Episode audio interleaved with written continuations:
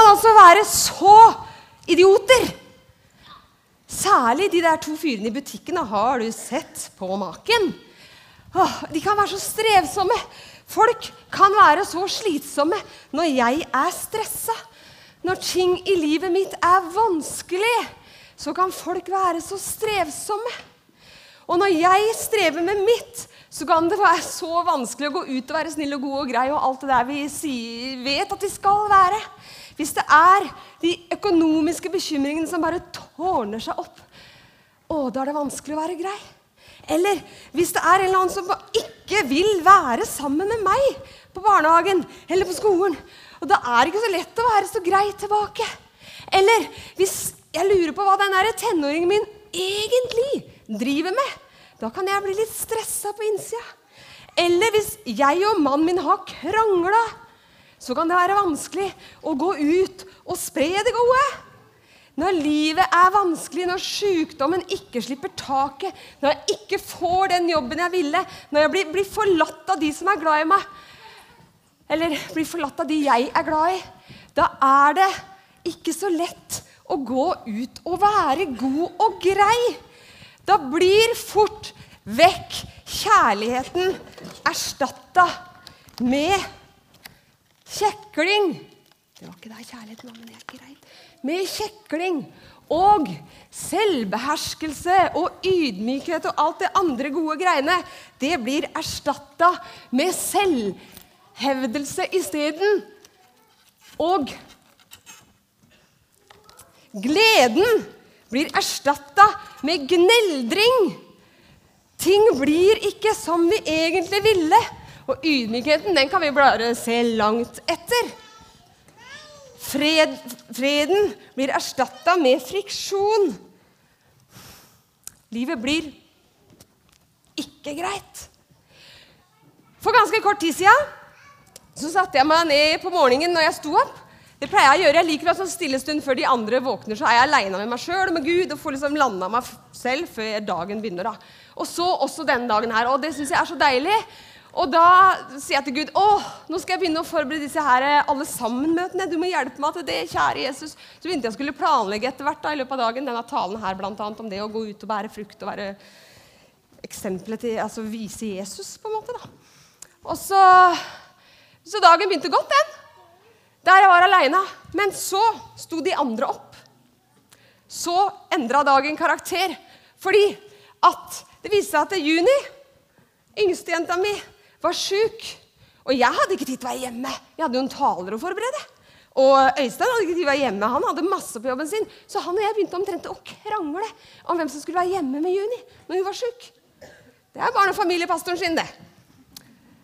Og jeg vi, Det endte med at jeg tapte, da.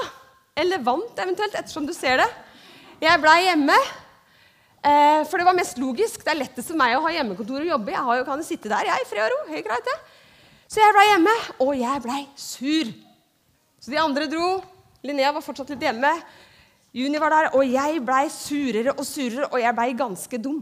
Og jeg sa det ene dumme ordet etter det andre, og jeg begynte å grine. Og Juni begynte å grine, og Linnea satt med spørsmålstegn over hodet og spurte hva er det med deg, mamma? Litt sånn. Og plutselig så gikk det opp for meg òg. Hva er det med deg, Linda? Hva er det du driver med? Jeg sa, Kjære Gud, hva er det med deg, da? Ja? Jeg blei så sliten av meg sjæl. Og så begynte jeg å be om unnskyldning. Juni, Juni, unnskyld. Og jeg var like skamfull som jeg var trist. Og det var ikke noe greit hele tatt. Men vi fikk en slags restart. da. Og vi kunne liksom ta det derfra. Så ble, det ordna seg, og så satte jeg meg ned og begynte å skrive på en tale om det å ligne Jesus i hverdagen.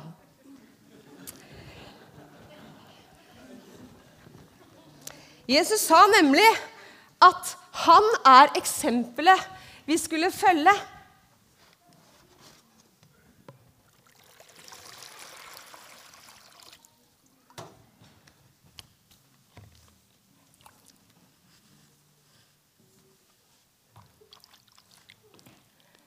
Og det sa Jesus til disiplene sine en dag hvor han bøyde seg ned og vaska slitne føtter. Tørka av gammel møkk, så at de skulle bli klare for dagen sin. Så at de skulle bli klare til å innta livet sitt og leve det livet som han kalte dem til å leve.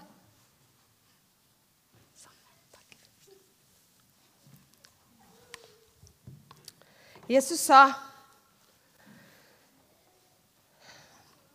'Jeg har gitt dere et eksempel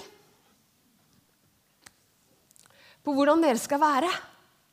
Så spurte han etterpå, 'Forstår dere hva jeg har gjort for dere?' spurte han. Forstår dere hva det betyr at jeg har vaska føttene deres? Forstår vi hva det innebærer da Jesus sa, 'Dette er det eksempelet dere skal følge'? Forstår vi hva det betyr når i Guds rike så Hvis du vil være stor, så skal du bøye deg med. Hvis du vil være først, så er du den siste. Vil du være størst, så er du den minste.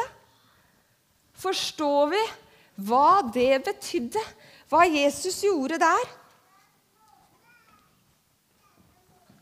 Jesus sa, 'Jeg har gitt dere et eksempel å følge.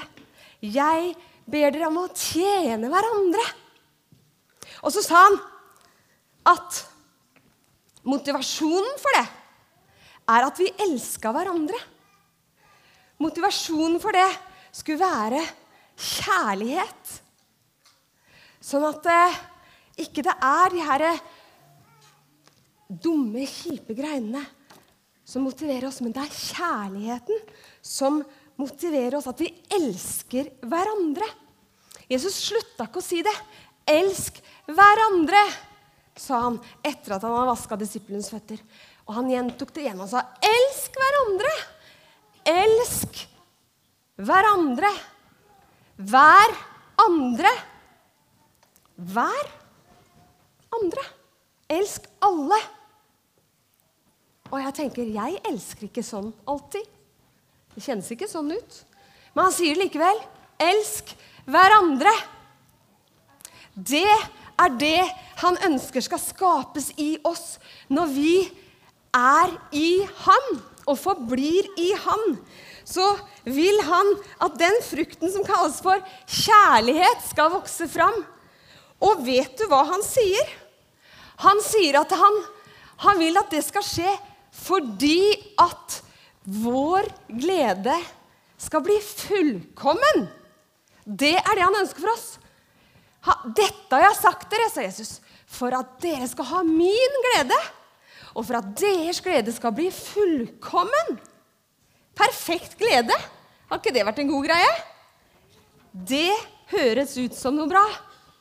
Det er en av de ni fruktene sammen med kjærlighet og ydmykhet. Og flere da, som nevnes i Galaterbrevet. Jeg er en elendig hageeier. De som har vært hos meg, vet det.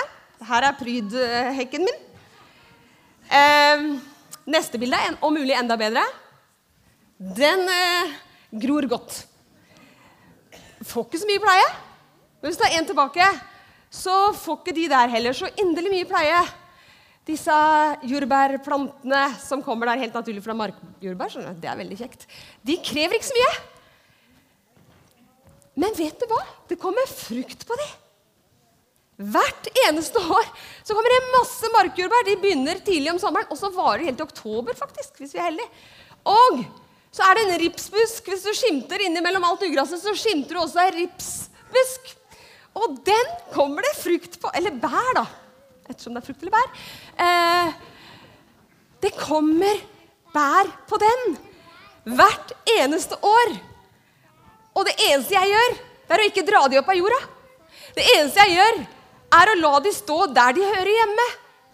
Og da bærer de frukt, for det er den buskas sanne natur. Jeg syns det er et fantastisk bilde på Guds nåde.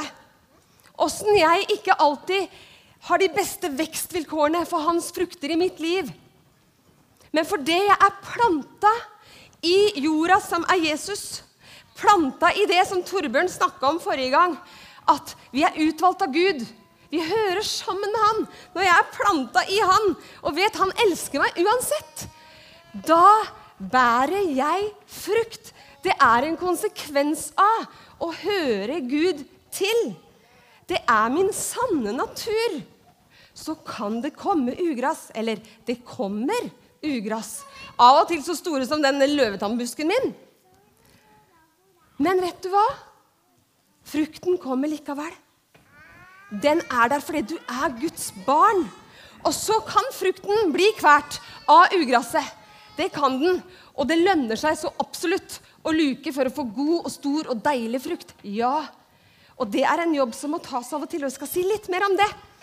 Men at frukten kommer fordi det er dens rette natur, det skjer i naturen. Og vet du hva? Jeg tror det skjer i vårt åndelige liv også. At disse åndens frukter, som Paulus skriver om i Galaterne, de kan være i ditt liv. Og jo mindre ugress, jo mer synlig vil de være i livet ditt.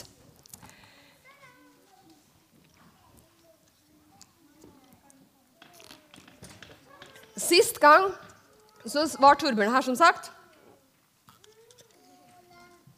og snakka om eh, Josef. Josef er en gammel fortelling fra Gammeltestamentet som du kanskje har hørt om. Han var en av mange brødre som vokste opp hos faren sin. Og hjemme hos faren så ble han fortalt Gud er med deg, Josef. Gud er så glad i deg. Og han går med deg gjennom alle ting uansett. Og det at han hadde lært det fra tidlig, at det satt fast i hans hjerte, det var bra. For en dag så begynte disse storebrødre hans å bli mer ekle enn det som greit var. For de var ganske sure på Josef. For han var nemlig favorittsønnen til faren sin. Ser dere hvor fin kjortel han har på bildet der? Den var fin av mange farger. Og den hadde faren gitt til Josef, og ikke til de andre. Og de blei så sure. De blei så sure, og de blei sjalu. Og de blei sinte og tenkte at han der, der drittungen her gidder vi ikke å ha lenger. Så de begynte å legge planer, som vi ser på neste bilde her, og hviske og tiske. Vi tar rotta på han. Yes, det gjør vi. Og vet du hva de gjorde? Det vet du kanskje. De kasta han i en brønn. Og ikke nok med det. Etter han har ligget og ropt der i brønnens tid, så solgte de han til noen utenlandske folk som dro til Egypt, et land langt borte. Så at de slapp å se ham. Det er ugress få i livet sitt, det. Det kan vokse seg stort, det. Frykt noen kan ta meg. Frykt jeg kan bli avvist igjen og igjen, selv av mine nærmeste. Frykt for å bli kasta inn i noe helt ukjent som ikke jeg kjenner hva er. Det kan bli masse sinne mot alt det der som skjedde. Det kan også bli bitterhet. Og det kan bli så store løvetenner at det er ikke til å snakke om. Han hadde nok masse å bære på der han dro etter karavanen den dagen og var en solgt lillebror. Så var det sånn at Josef klarte å et eller annet sted finne det gamlefar Jakob hadde sagt en da han var gutt. Josef, du er elska. Du er utvalgt. Du er satt til å bære frukt. Det er en hensikt med livet ditt. Det var en sannhet Josef valgte å holde fast i. Selv om han var i et land langt borte, et sted hvor det var masse ukjent og utrygt, og alt var vondt. Han holdt fast i den sannheten og lot den definere han, sånn at frukten kunne vokse fram. Ugresset kunne bli mindre. Så at frukten kunne, han kunne bruke det som Gud hadde gitt ham, bl.a. til å tyde drømmer og til å organisere og styre et helt folk på en fantastisk måte, sånn at det blei til liv for folka han nå var i, og for hans tidligere folk. Så Josef han klarte å dra ugresset opp med rota. Jeg tror kanskje noe kom igjen og igjen. Det var noe, sikkert noe løvetann blant der òg som kom igjen og igjen.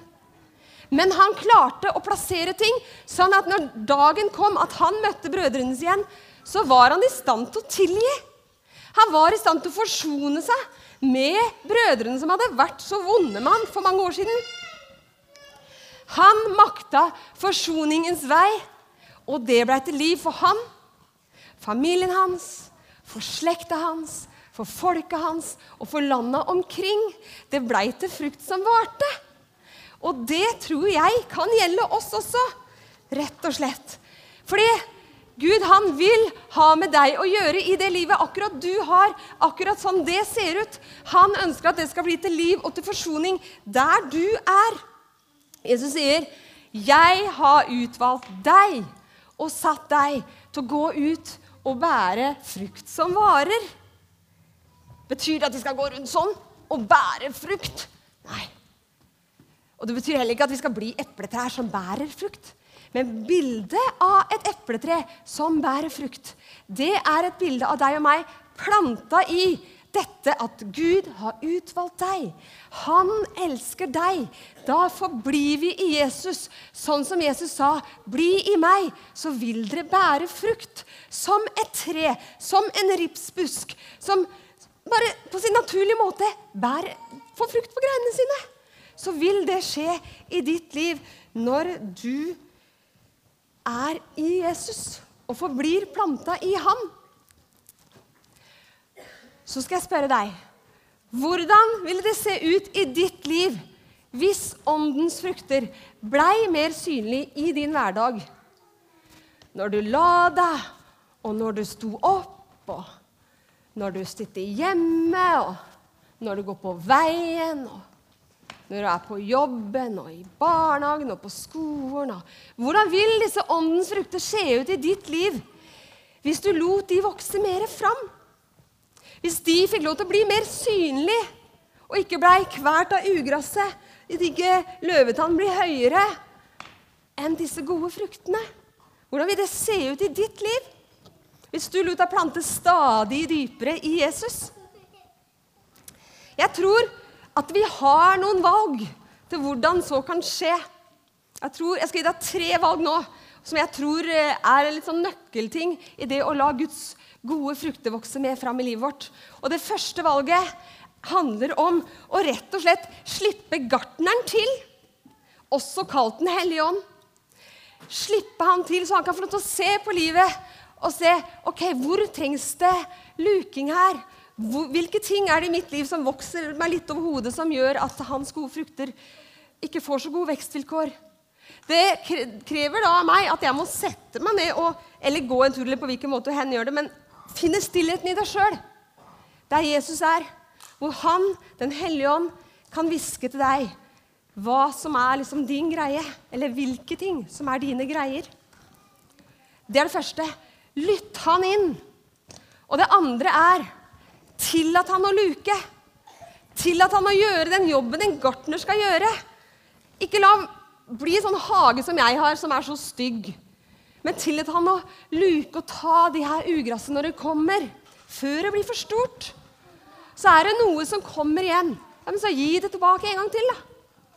Det kommer til å være ting som kommer igjen. Gi det tilbake enda en gang og enda en gang. Sånn at hans frukter kan vokse mer og mer fram. Og for det tredje valget så tenker jeg at jeg kan velge at disse fruktene skal være synlige eller ikke-synlig i livet mitt. Jeg kan være sånn 'Å, jeg har så mye kjærlighet og glede og fred', jeg. Jeg og meg har det her hjemme hos meg. Det er én måte å gjøre det på. En annen måte er å si 'Å!' Åpne opp og si 'Jeg vil dele med meg av den kjærligheten jeg har fått av Gud'. Jeg vil dele med meg både av tida mi og engasjementet mitt, og at jeg involverer meg i andre mennesker og pengene mine. Og være raus, da. Både på de tinga vi har, og materielle ting, men ikke minst av omsorg og altså kjærlighet. Dere vet hva det er? Det vet vi hva er. Mer av det. Det vil alle ha. Og del, ta det imot og del ut. Rikelig og raust. Vær rik på gode gjerninger, står det om eh, i, i, Bibelen.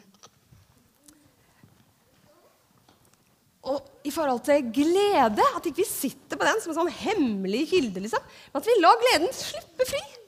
At vi er glad. At vi, eller det var teit sagt. Vi kan ikke bare være glad, da. Kan ikke bare gå ut og være glad. Kan ikke det. Men det er noe med den dypere gleden som er fundert i at ja, men Gud har utvalgt meg. Jeg tror ikke Josef gikk rundt og bare Livet er herlig her i Egypt, gitt. Jeg tror ikke han var der. Men han hadde sånn inni seg en dyp, rotfesta glede som ikke var fundert i hvordan omstendighetene var, men som funderte fundert i at Gud har utvalgt meg. Og det gjør at jeg kan kjenne på en sånn indre glede glede. Og så får heldigvis, takk og lov, gleden altså den ordentlig deilige sånn derre woho-gleden også. Takk og pris for den. La den slippe fri. Få det ut. Skap fred der du er. La alle merke at du er vennlig, står det. La Guds gode ånds frukter slippe til i livet, være synlig. Så jeg tror altså vi har tre valg. Lytt han inn. La han få lov til å luke i deg og la det syns i hverdagen din. Når du sitter hjemme, når du går på veien, når du legger deg og står opp.